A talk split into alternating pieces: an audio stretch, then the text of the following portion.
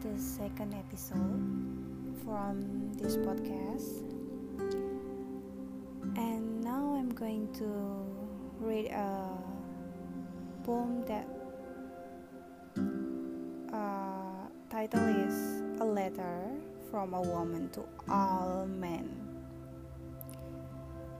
So we are directly to the poem that I made at 2018 a few years ago. This is a letter from a woman to all men.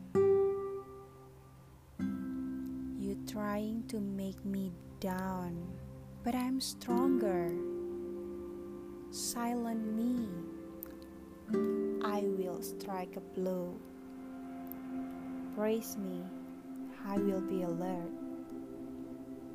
I am made of steel and silk. Crying is how I learn.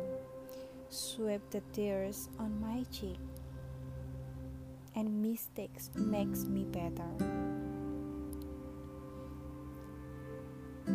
You know, I'm not enough for every man. And really reality tell me that I am the toy that people can enjoy until they are bored of me.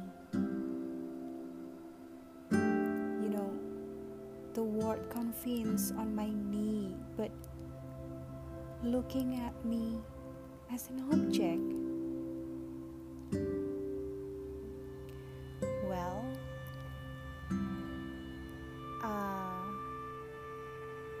Puisi ini terinspirasi dari pengalaman-pengalaman aku dan teman-teman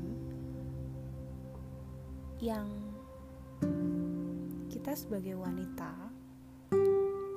hanya dilihat sebagai hiasan,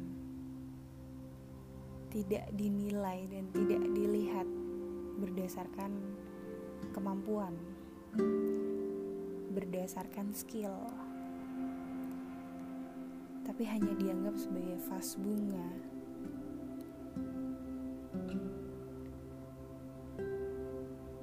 That's why puisi ini diciptakan dan ada.